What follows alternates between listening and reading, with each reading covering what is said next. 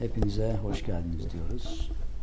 Hayırlı bir seminer zuhurunu temenni ediyoruz Cenab-ı Allah'tan. Bize böyle hak sohbeti yapma şansı verdiği için sonsuz şükürlerimizi sunuyoruz. Ayrıca bu Sayaka'nın bu jestine de teşekkür ederiz. Sağ olun, eksik olmayın. Bu konularda yardımcı olan arkadaşlarımıza teşekkürler ederiz. Sağ olun. Katılan arkadaşlara teşekkür ederiz. Takriben Ankara'da iki seneyi geçti bizim bu faaliyetlerimiz. Hem seminer çalışmaları hem de kurs çalışmaları olarak Türk müziği tarihi, Türk müziği ile tedavinin hem tarihçesi hem uygulama şekilleri kullanılan enstrümanlar seminerimizin birinci konusu. Daha sonra yavaş yavaş gelişen ikinci bir düşünce ve çalışma alanı insanlığın yüksek değerleri adını taşıyor. Neden bu ada ulaştığımızı araştıracak olursak Allah insanı bu aleme halife olarak göndermiş. Dolayısıyla insanın kalitesi çok yüksek.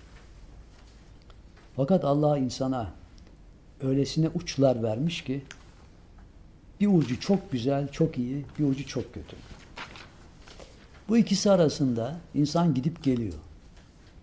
Ne zaman ki yüksek eğitim imkanına ulaştığı söz konusu olduğunda stabilite, denge hali oluşuyor. İşte o denge hali nefis denilen insanda olan bir oluşumu yüceltiyor, güçlendiriyor ve ruha yaklaştırıyor. Genelde tasavvuf düşünce sistemine ve inanç sistemine ve uygulama sistemine baktığımız zaman insanın ruh ve bedenden oluştuğu, bir de nefis diye bir şeyin olduğu ileri sürür. Beden malum fonksiyon itibariyle materyal imkanlarla çevrili ve ele tutulabilir, gözle görülür imkanlar ihtiva eden bir varlık. Ruh konusunda insanoğlunun mevcudiyetinden bu yana çeşitli bilgiler var. İslam açısından en esaslı bilgi şöyle sana ruhtan sual ederler. De ki o Rabbimin emrindendir ve size çok az bir şey verilmiştir. Tabi çeşitli felsefi ekoller, çeşitli başka manevi yollar ruh konusunda çok şeyler söylemişlerdir. Bazı büyük velilerin ifadeleri de vardır ruh konusunda. Fakat her halükarda ruhun bedene nazaran daha büyük potansiyele ve Allah'ın istediği şekildeki bazı imkanlara sahip olduğuna inanılır. Ve ruh bir modeldir. Bir Bektaşi Gül Bankı'nda nefsimiz ruh, nutkumuz can bular diye dua edilir. Burada çok enteresan bir açıklama ve bir yol vardır. Nefsin ruhlaşması söz konusu. Aa, o halde. Stop. Evet nutkumuz can bulacak. Yani sözümüz Ha, söz. hayatiyet bulacak, can bulacak. Nefsin ruhlaşması acizane bizi çok ilgilendirdi ve üzerine çok tefekkür söz konusu oldu. Nefsin ruhlaşması ne demek? Ruh süptil bir varlık, cevher. O cevherin Allah indinde çok özel bir yeri var. Allah'ın emrindendir veya emridir dendiği zaman onun içinde bir bilgi olduğu anlaşılıyor. O bilgi emir mertebesine intikal ediyor. Emir mertebesinden vücut alemine intikal ediyor. Kademe kademe.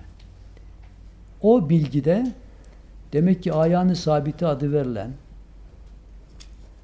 o bilgi kalıplarının ve değişmez bilgilerin mevcudiyeti söz konusudur.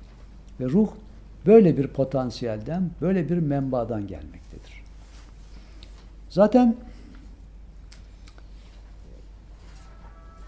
peygamberlerin yaşayışlarına baktığımız zaman onların yaşayışlarında bir pürite, bir saflık söz konusudur.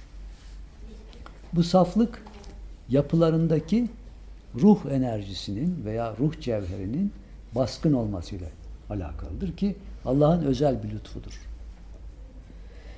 Hazreti Peygamberimiz bu aleme teşrif ettiği zaman olağanüstü haller oluşuyor. Neden?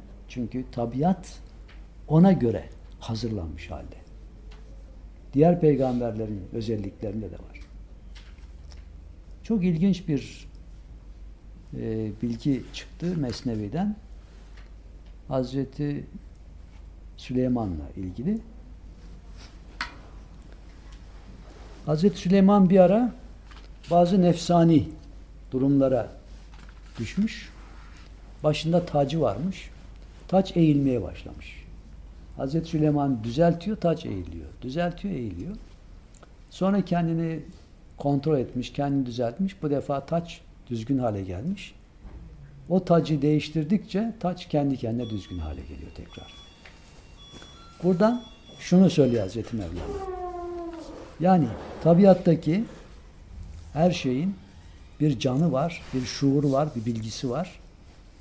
Ve o bilgi ışığı altında insanla bağlantılı. Bunu biz kabul edip düşünmeye başladığımız zaman bedenimizle, ruhumuzla, nefsimizle her neyse her şeyimizle yalnız olmadığımızı anlarız. Her şeyle beraberiz. Hiçbir zaman ya bana ne ben böyle yaparım diyemeyiz. Biz bir şey yaptığımız zaman bizi murakabe edebilecek, bizi sigaya çekecek veyahut da kontrol edebilecek, doğru veya yanlış yaptığımızı değerlendirecek bir şuur her an bizimle beraber. İşte buna inanmaya başlayıp da bu dikkati yoğunlaştırdığımız zaman hata yapmaktan uzaklaşıp Allah'ın istediği tarzda bir yaşayış sistemine namzet olmaya başlarız. Ve bunu istemeye başlarız. Böyle bir yaşama sistemi içine girmeye başladığımız zaman kontrol mekanizması gelişir. Onun en üst seviyesi vicdandır. Vicdan tasavvufta fevkalade önemli bir ölçüdür. Çünkü vicdan doğru ve yanlışı ayırt etmeye yarar. Fakat bu ayırt etmenin içinde dikkat edilirse merhamet vardır. Ne vicdansız adam dediğimiz zaman merhametsiz de kastederiz. Veya vicdan ne yüksek dediğimiz zaman değer yargılarını verirken hakları gözeten bir insan olduğunu anlarız. Burada objektivitenin yanında merhamet vardır. Objektivite muhakkak ki çok çok önemli. Fakat her zaman bir affedicilik ve her zaman bir hoşgörü alanı vardır. Ki Cenab-ı Allah'ı öğrenmeye ya onun bize vaz ettiği ilimleri tahsil etmeye başladığımız zaman ilk merhalede karşılaşacağımız şeylerden biri merhamet duygusudur. İkincisi de hamd duygusudur.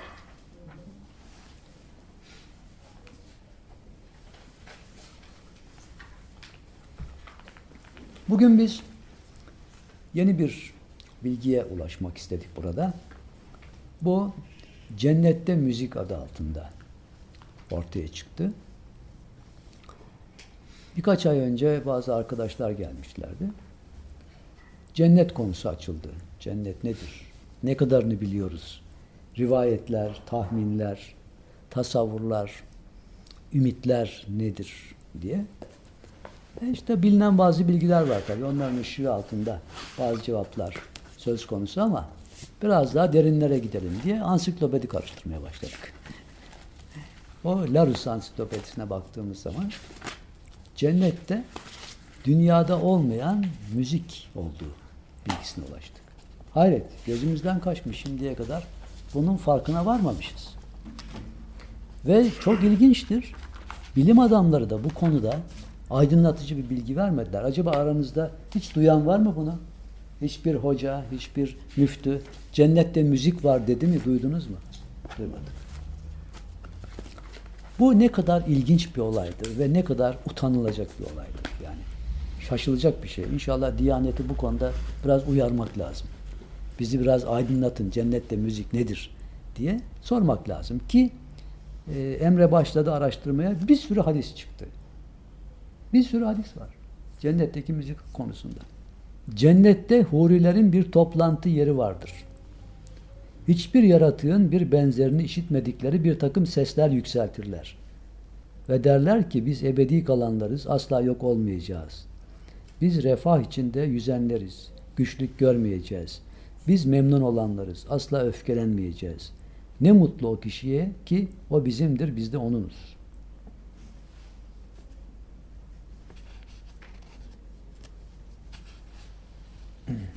Bu Hazreti Ali'den rivayet ediliyor bir hadisti. Ebu Hureyre, Ebu Said ve Enes'ten de bu hadis rivayet edilmiş.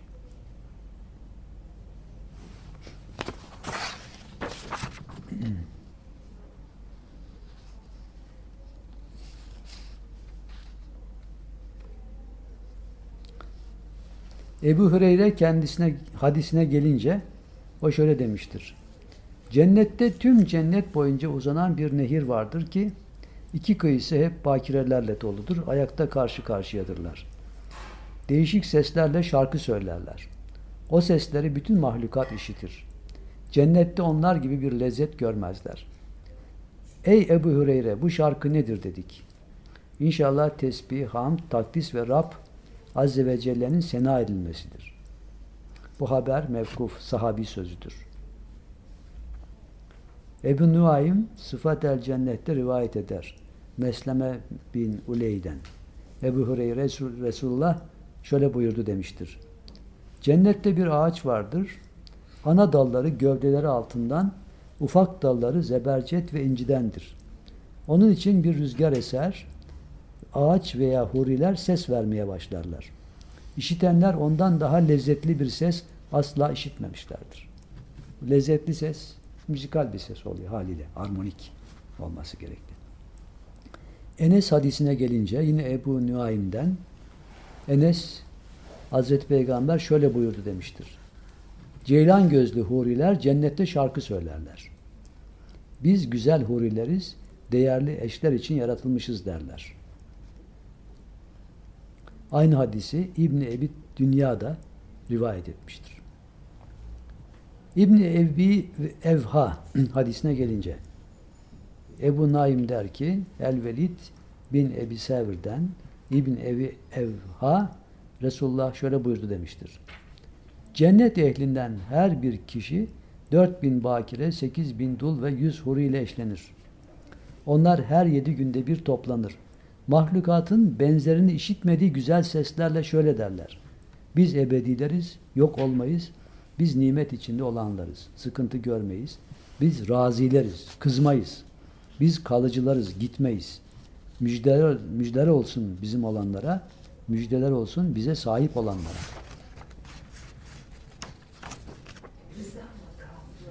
Rıza evet, evet. Ve kin yok, ihtiras yok. Ebu Ümame hadisine gelince onu Cafer el-Feryabi nakleder der ki Resulullah şöyle buyurmuştur. Hangi kul cennete girse başının ve ayaklarının ucunda iki ceylan gözlü huri oturur. İns ve cinnin işittiği en güzel sesle şarkı söylerler. Şeytanın çalgıları değil. İbni Ömer hadisinde Taberani rivayet etmiş. İbni Ömer Resulullah şöyle buyurdu demiştir.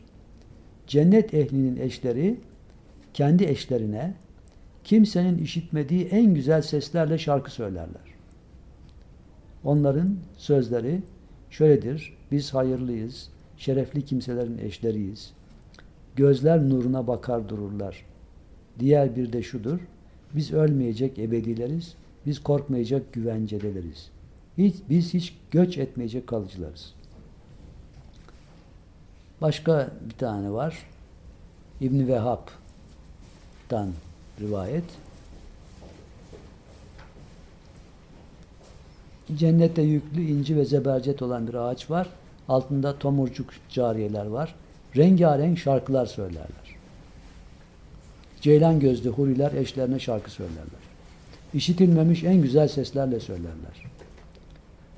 İbni Ebit Dünya bana ulaştığına göre Allah'ın İsrafil'den daha güzel sesli bir mahluku yoktur. Allah Tebareke ve Teala ona emreder. O da başlar dinletmeye, söylemeye. Diye geçiyor. Yani daha bir sürü hadisler var. Şimdi bunların kitapları da burada arz edenler bu hadis kitaplarına da bakar. Emre'de daha detayı var. Şimdi bunu açmamızdaki sebeplerden biri şu. Her şey zıttıyla kaimse bugün günümüzdeki en büyük problemlerden biri müzik. Ne yönde? İnsanı tahrip eden, insanı rahatsız eden, insanı hasta eden müzik söz konusu. Bir de onun karşısında tedavi eden, huzur veren, insanı yücelten müzik söz konusu. İnsanı yücelten müziğin ekstrem tarafı, uç tarafı cennet müziği olarak karşımıza çıkıyor. O halde böyle bir fenomen varsa müziğin böyle bir potansiyeli var demektir. Böyle bir potansiyeli varsa insan dünyada buna ne kadar ulaşabilir? Bu bir sonsuz boyutsa insan bu sonsuz boyutta yelken açar, arabasına biner, kayığına biner, gidebildiği kadar gider. O halde bu sonsuz bir konu. Yani şunu söylemek istiyorum. Her ne kadar en güzel müzikal aletleri yapsak, en tabii malzemeyi kullansak, belki spiritüel bir takım sezgilerle bazı aletler yapsak, bazı çok üst seviyede sesler çıkarsak, bu seslerin tedavi edici özelliğinin yanı sıra daha üst seviyede cennette dünya şartlarından çok farklı farklı bir takım sesler olduğu anlaşılıyor. Acaba cennete gitme nasibinde olan bir kişi oraya gittiği zaman aynı kulak algılamalarına mı sahiptir yoksa başka bir algılama mı vardır? O duyulacak sesler başka bir şekilde mi algılanıyor? Onu bilemeyiz. Fakat bize lazım olan şudur. Allah bize kulak verdi. Ve bu kulağı da El Semi ismiyle donattı. Allah'ın güzel isimlerinden biri El Semi, işiten. O halde Allah Adem'i oluşturduğu zaman ona güzel isimleri öğretti diye biliyoruz. Esma-ül Hüsna'yı öğretti. Ve Adem bu dünyada yaşamaya başladığı zaman bu isimlerin ışığı altında kulluğunu idrak edip bağışlanmaya da uğradıktan sonra neslini devam ettirdi geldi. Dolayısıyla genetik ilmi itibariyle her insanda ilk Adem'deki imkanlar mevcut sonuna kadar gidiyor. O halde Semi isminin mazharı olma keyfiyeti ve şansı da insanda mevcut. Yani ona layık olabilme. Bundan getirdiğimiz sonuç şudur. İnsan bu alemde yaşarken madde boyutunda da en güzel, en kaliteli seslere ulaşma şansına sahiptir.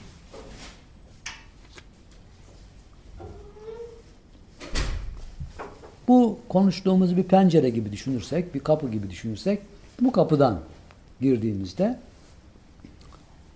dünyanın şu andaki müzik konjonktürüne şöyle bir baktığımızda ne görüyoruz? Batıya bakalım önce. Batı'da klasik musiki var. Büyük orkestralarla yapılan icraatlar. Bu icraatların bazıları hakikaten çok çok güzel ama bazılarının desibel araştırmalarını yapıyorlar. Saatli yaşayın. Çok fazla e, gürültü olduğu görülüyor büyük orkestralarda ve rahatsızlık verdiği tespit ediliyor. Ama insanlar şöyle bir yanlış içindeler. Mesela bir rock orkestrasını dinlemeye gittik. Ben iki dakikadan fazla duramadım. Kulağıma pamuk tıkadığım halde duramadım ve çocuklar da o zaman küçüktü. Aldım çıktım. O günden sonra bir daha gitmiyorum. Yaşar abiyle yıllardan beri düğünlere gidemiyoruz. Çok sevgili arkadaşlarımız davet ediyor. Gidemiyoruz. Ben tahammül edemiyorum. O da tahammül edemiyor. 2-3 dakikadan fazla duramıyoruz. O gürültü. Bu müzik değil. Bu bir işkence. Fakat insanlar buna nasıl dayanıyor? Burada dayanma şöyle psikolojik bir etkisi var. O müziği veya gürültüyü icra edecek olan kişilere olan saygı sebebiyle ha böyle olması gerekiyormuş diye koyun yaşaması hali var. Ve bu bir müddet sonra bir uyuşturma hali oluyor. O e, etkilenmemeye başlıyor insan. Ama farkında değil. O zaman işitme kabiliyetinden kaybediyor. Bunun desibel ölçümleri yapılıyor. Kulak işitme kabiliyetini kaybettiği için o yüksek frekanstan rahatsız olmadığını zannediyor. Böyle bir aldanma var. Dolayısıyla şu anda insanların kulak seviyesi çok çok kayıp durumda. Bunu bilim adamları da söylüyor. Eğer yarım saat güçlü bir gürültü dinlediğiniz zaman dinlerseniz en azından 20 dakika kulağı dinlendirmek lazım. Yapılmadığı zaman o işitme kaybı büyüyor. Bu bir tanesi. Sonra tabii underground müziği, acid rock müziği bilmem ne bir sürü bir sürü bir sürü şeyler var.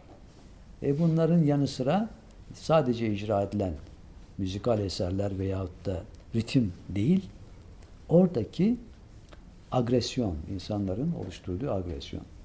Hatırlarsanız bundan 9-10 sene önce İngiltere'de böyle bir konser veriliyor ve civciler sahneye çıkarılıyor. Sanatçı geçinen kişiler de çivili ayakkabılarla onların üzerine basıp güya müzik yapıyor. Bunu bütün dünya gördü ve büyük protestolar oldu. Ama bu devam ediyor. Başka şekillerde devam ediyor. Bu müzik değil. Bu bir katliam. Ve müzik adına yapılması da üzücü. Çünkü gördüğümüz gibi müzik kutsal bir anlayış. Cennette insana lütfedilen çok büyük bağışlardan biri. O halde müziğin kıymetini bilmemiz ve müziği iyi anlamamız lazım.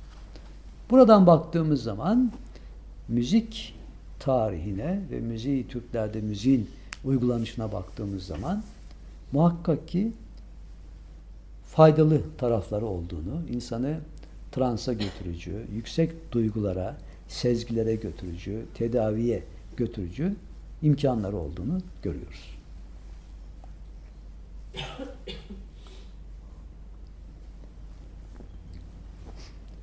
Hazreti Abdülkadir Geylani'nin bir hadisi var. Ee, Bir hadis rivayeti var Hazreti Peygamber'den. Emre galiba o benim çantada kaldı. Sırrı Esrar vardı. Bir alabilir misin?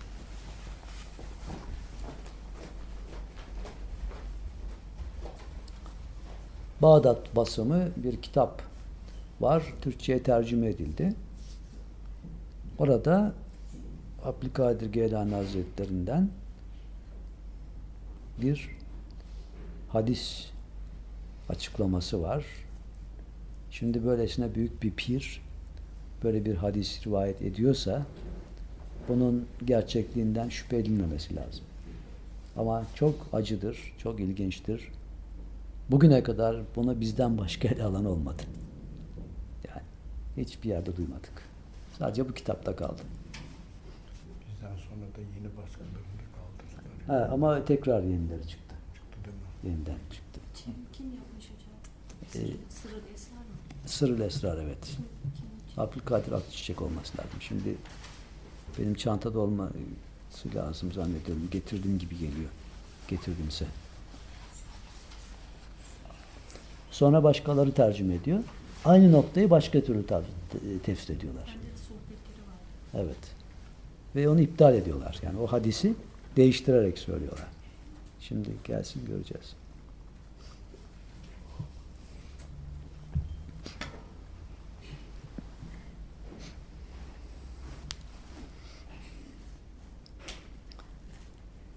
Hz. Mevlana'nın büyük bir gönül insanı olduğuna şüphe yok.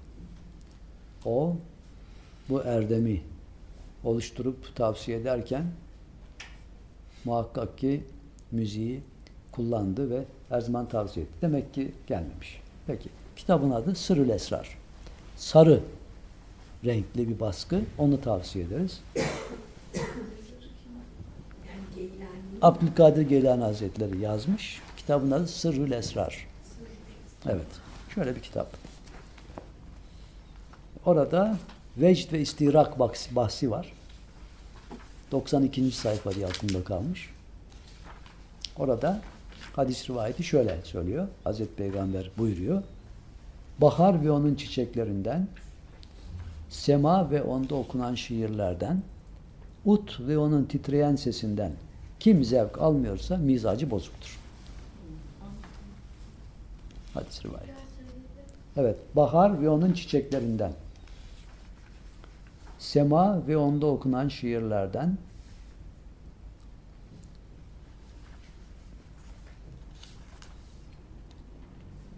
ut ve onun titreyen sesinden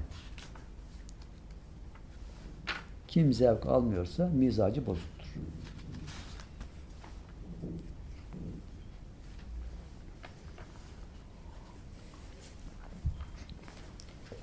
Çok çok ilginçtir. Musiki ve sema, işte beşikten mezara kadar müzik, İslam'da müzik vesaire gibi birçok eser var. Bunların hiçbirinde bu hadise rastlamadım. Sadece bu Abdülkadir Geylani'nin eserinde var. Çünkü öteki kitapların herhangi birinde bu hadis yazılmış olsa kamuoyunda bu konunun tartışılması bitecek anında. Bu bir argümenttir, delildir. Ha, İslam'da müzik var mı? Var. Hem de alası var. Deyip kestirip atılacak. Ama bir türlü buna ulaşamıyorlar. Buna ulaşamayışın sebeplerine bakalım. Şimdi Hazreti Peygamber'in zuhurundan önce yani fizik anlamında Muhammed Aleyhisselam olarak zuhuru yani 1400 sene önceki kişiliği, ondan önceki kişiliğinden bahsetmiyorum. O, o da var, o kişiliği de var. Hatta Hazreti Adem'den önce Hazreti Peygamber'in var olduğu yönünde önemli bilgiler var. Şöyle diyor, daha diyor Adem suyla toprak arasındayken ben nebiydim diyor Hazreti Peygamber. Öyle bir hadis var. Çok önemli. O bakımdan fizik olarak Muhammed adıyla zuhur alemine 1400 sene önce geldiği zamanki Hazreti Peygamber'i kastediyoruz. Onun zuhurundan önceki Arap halkında problemler yaşanıyor. Buna cahiliye devri deniyor zaten. Cahiliye devrinde iki çok önemli olay var. Bir tanesi genç kızların, çocukların diri diri toprağa gömülmesi. İkincisi de kan davaları. Bu sebeple o cahiliye devrinde akla gelmez zulümler meydana geliyor. Hazreti Peygamber bu iki olayı da kesinlikle iptal ediyor. Durduruyor ve değiştiriyor. Ve oradan çok mümbit bir yaşayış sistemi ortaya çıkarıyor. Allah'ın özel lütfu olarak. Ve zaman içinde Hazreti Peygamber kendi sistemini Allah'ın lütfuyla kuruyor. Kurduktan sonra ondan sonraki dönemde bu prensiplerin ışığı altında büyük tecrübe sahipleri yaşıyor. Pirler, mürşitler, üstadlar. Onlar Hazreti Peygamber'in söylediği ve dile getirdiği ayet ve hadislerin ışığı altında kendi tecrübelerini de katarak tasavvuf prensiplerini oluşturuyorlar ve yaşama sistemi haline geliyor. Bu yaşama sisteminde yine en çok üzerinde durulması gereken şeyler insanların illetleri. Hoş geldiniz. Hazreti Mevlana da bu konu üzerine çok durur. İlletlerinden kurtulanlara müjdeler verir. Ve ancak illetlerinden kurtulanların salaha erişeceklerine dair bilgiler vardır. Peki bu illetler nedir? Geçenlerde bunu İsviçre'de, Avusturya'da bu konuları konuşuyoruz. sözlüğe bakıyoruz. İlletin karşılığı Almanca hastalık diye çıkıyor. Halbuki hastalıktan farklı. Yani illet insanda işte, o zalim olan tarafının o zalimliği oluşturan duygu yapısındaki yoğunlaşmaları. Bunların başına kıskançlık geliyor mesela. Kin geliyor. Kin o kadar önemli ki birçok yerde Kur'an-ı Kerim'de Cenab-ı Allah biz onların sinelerinden kini söker alır ve cennete sokarız diyor. Yani kin olmadan cennet mümkün. Kin olunca cennet mümkün değil. O halde kin nedir? Bunu araştırmaya baktığımız zaman kinin içinde öfkenin bulunduğunu görürüz. Kin kronikleşmiş bir öfkedir. Geçmez, taviz vermez, hoşgörüyü kabul etmez, değişmez, kemikleşmiş bir duygu. Ve bir agresyon taşıyan, saldırganlık taşıyan bir duygu. Af olmayan bir duygu. Peki, bu duygudan nasıl uzaklaşmamız mümkün? Hepimizde bu duygunun örnekleri vardır, yaşarız. Yok diyen yanlış söyler. Az da olsa bu duyguları biz hepimiz taşıyoruz. Erdem olan bu duyguların tahribatını en aza indirmek. Gücünü azaltmak. Tamamen geçmesi için de niyaz ehli olmak. Allah'a yakınlık sağlayıp af dilemek. Onun yardımıyla ancak bunların temizlenebileceğine inanarak bu yönde sabit kadem olmak, çalışmak. Bir an için bu duygulardan ve bu kontrollerden uzak kalmamak. Bir an için Allah'ı unutmamak. Bütün bunlar tasavvufun içindeki hassas noktalar. Şimdi biraz konuştuk. Biraz da müzik icraatı yapalım ki kulaklarımızda dinlensin. Şimdi az önce bahsettiğimiz müziğin şifası, müziğin etkisi konusunda bizim yaptığımız araştırmalarda bütün insanlık alemini ilgilendiren müzikal yapının temelinde beş sesli müziğin olduğunu gördük ve görüyoruz hala. Beş sesli müzik nedir? Bir gam içinde oktavıyla altı ses kullanılır, oktavını çıkarırsak beş ses kullanılır. Bugünkü Çin, Japon, Güney Amerika, Peru, Aztek, Eskimo, bazı Afrika müzik örnekleri bu beş sesliliği taşır. Fakat bunun dünyada ilk çıktığı yer olarak Macar araştırıcı Zabolski'nin haritalarında Güney Sibirya gösterilir. Yani Türk ülkesidir. Ve eski şaman dönemlerinde ki Türkler şaman kelimesini pek kullanmazlar. Baksı veya kam derler. Bu müzikal uygulama kullanılır ve bu uygulamayla e, baksı veya kam denilen hekimler trans haline geçerler. Ve o trans halinde elde ettikleri üst şuur bilgileriyle ve sezgiyle hastaya tedavi uygularlar. Bu beş sesli müzik bugün modern cazda da kullanılır. Sebebi o ses aralıklarının sihri bir etkisi vardır. Bir e, etkili bir gücü vardır ve bu güç sebebiyle improvize imkanı sonsuzdur. Bir başladığınız zaman saatlerce improvize yapabilirsiniz, doğaçlama yapabilirsiniz. Bu pentatonik kanunlarla. Cazda bu kullanılır. Ayrıca Avrupa'da Rudolf Steiner okulları adı verilen Waldorf Schule denilen okullar var. Bu okullarda sanat eğitimi birinci plandadır. Türkiye'de henüz yok.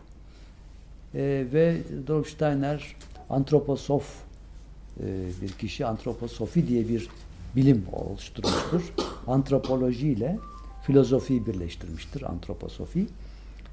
E, çok üst kabiliyetli çocukları eğitir bu okullarda ve bu okullarda sanatla eğitim yapılır ve müzik birinci derecededir. Ve Steiner der ki 9 yaşına kadar mutlaka çocuklar bu beş sesli müziği dinlemelidir. Çocuk eğitiminde birinci derece önemlidir. Onun için özel aletler yapılmıştır. Çenge benzer, arpe benzer beş sesli aletler elle çalınır. İnşallah gelişecek. Ben dün akşam için özür diliyorum. Yani meşgul olamadım fazla. Yeni öğrenciler falan vardı. Ama o heh, o gelişecek inşallah. Gelişecek. Yalnız bir şey var. Onun burgularını değiştirteceğiz. Demir burgu taktıracağız.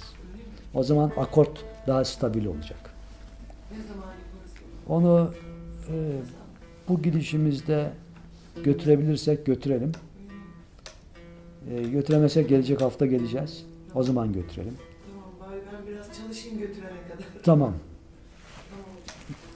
Ve bir de flüt şekilleri var. Rudolf Steiner'in beş sesli flütleri var. Çok özel flütler.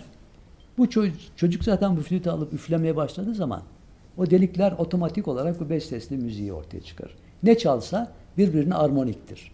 Yani şunu öğrenecek, bunu öğrenecek diye bir şey yok. Çocuk onu alıp istediği gibi ses çıkarsa o terapi yerine de geçiyor. Eğitim yerine de geçiyor. E bunlar tabii bizde hiç daha konuşulmamış konular. Yani değil uygulama daha konuşulmamış konular maalesef. Fakat biz bu seminerlerde bunları biraz konuşuyoruz. Hani Ankara'da olduğu için burası hani biraz yakın. Belki kulaklarına gider diye. E, ümidimiz var yani. E, kaç? 40 senedir ümidimiz var. Evet. Evet. Şimdi bu müzik türü e, Baksıların kullandığı müzik de olduğu için trans özelliği olduğu da bulundu. Yani laboratuvar çalışmalarında beyinde alfa ve teta ritimlerinin yükseldiği görüldü. Bunun trans göstergesi olduğu biliniyor. Bakalım. Şimdi şöyle bunu uygularken her zaman olduğu gibi şöyle bir pozisyon alabilirseniz başınız buraya gelecek şekilde uzanarak daha rahat uygulama imkanı olur.